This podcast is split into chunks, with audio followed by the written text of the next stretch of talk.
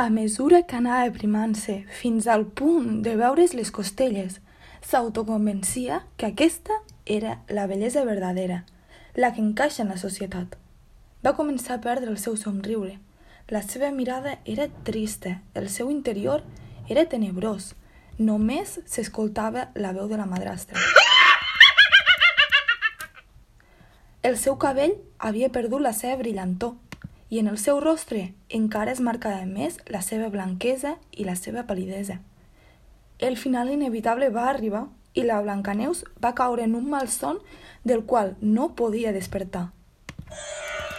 Una, dues i tres costelles es veien al mirall. Una, dues i tres pomes menjava el dia.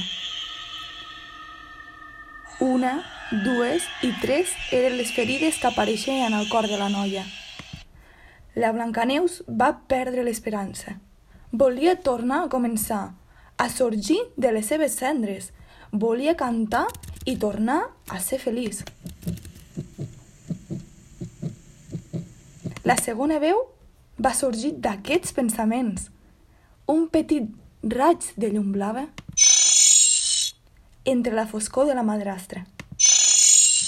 Li xiuxiuejava paraules d'alè quan la fam es tornava insuportable. L'ajudava a seguir viva quan la vida es feia molt dura. L'abraçava durant els malsons i li donava força quan a ella ja no li quedava.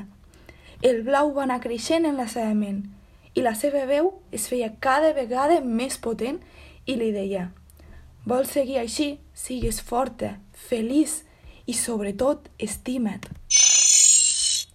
Una i una altra vegada es repetia el que el blau li deia, i així va començar a menjar més, a mirar-se al mirall realment, deixant enrere tot el que la madrastra li havia fet creure.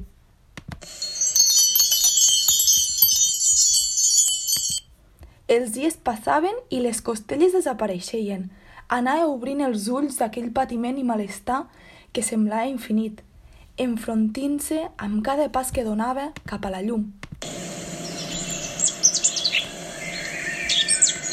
Va arribar el dia en el qual inconscientment li va sortir una nota musical. I després una altra. Fins que va tornar a cantar de nou al món. Des de llavors no ha parat de fer-ho en honor a totes aquelles que segueixen en la foscor, intentant arribar el blau a les seves madrastres.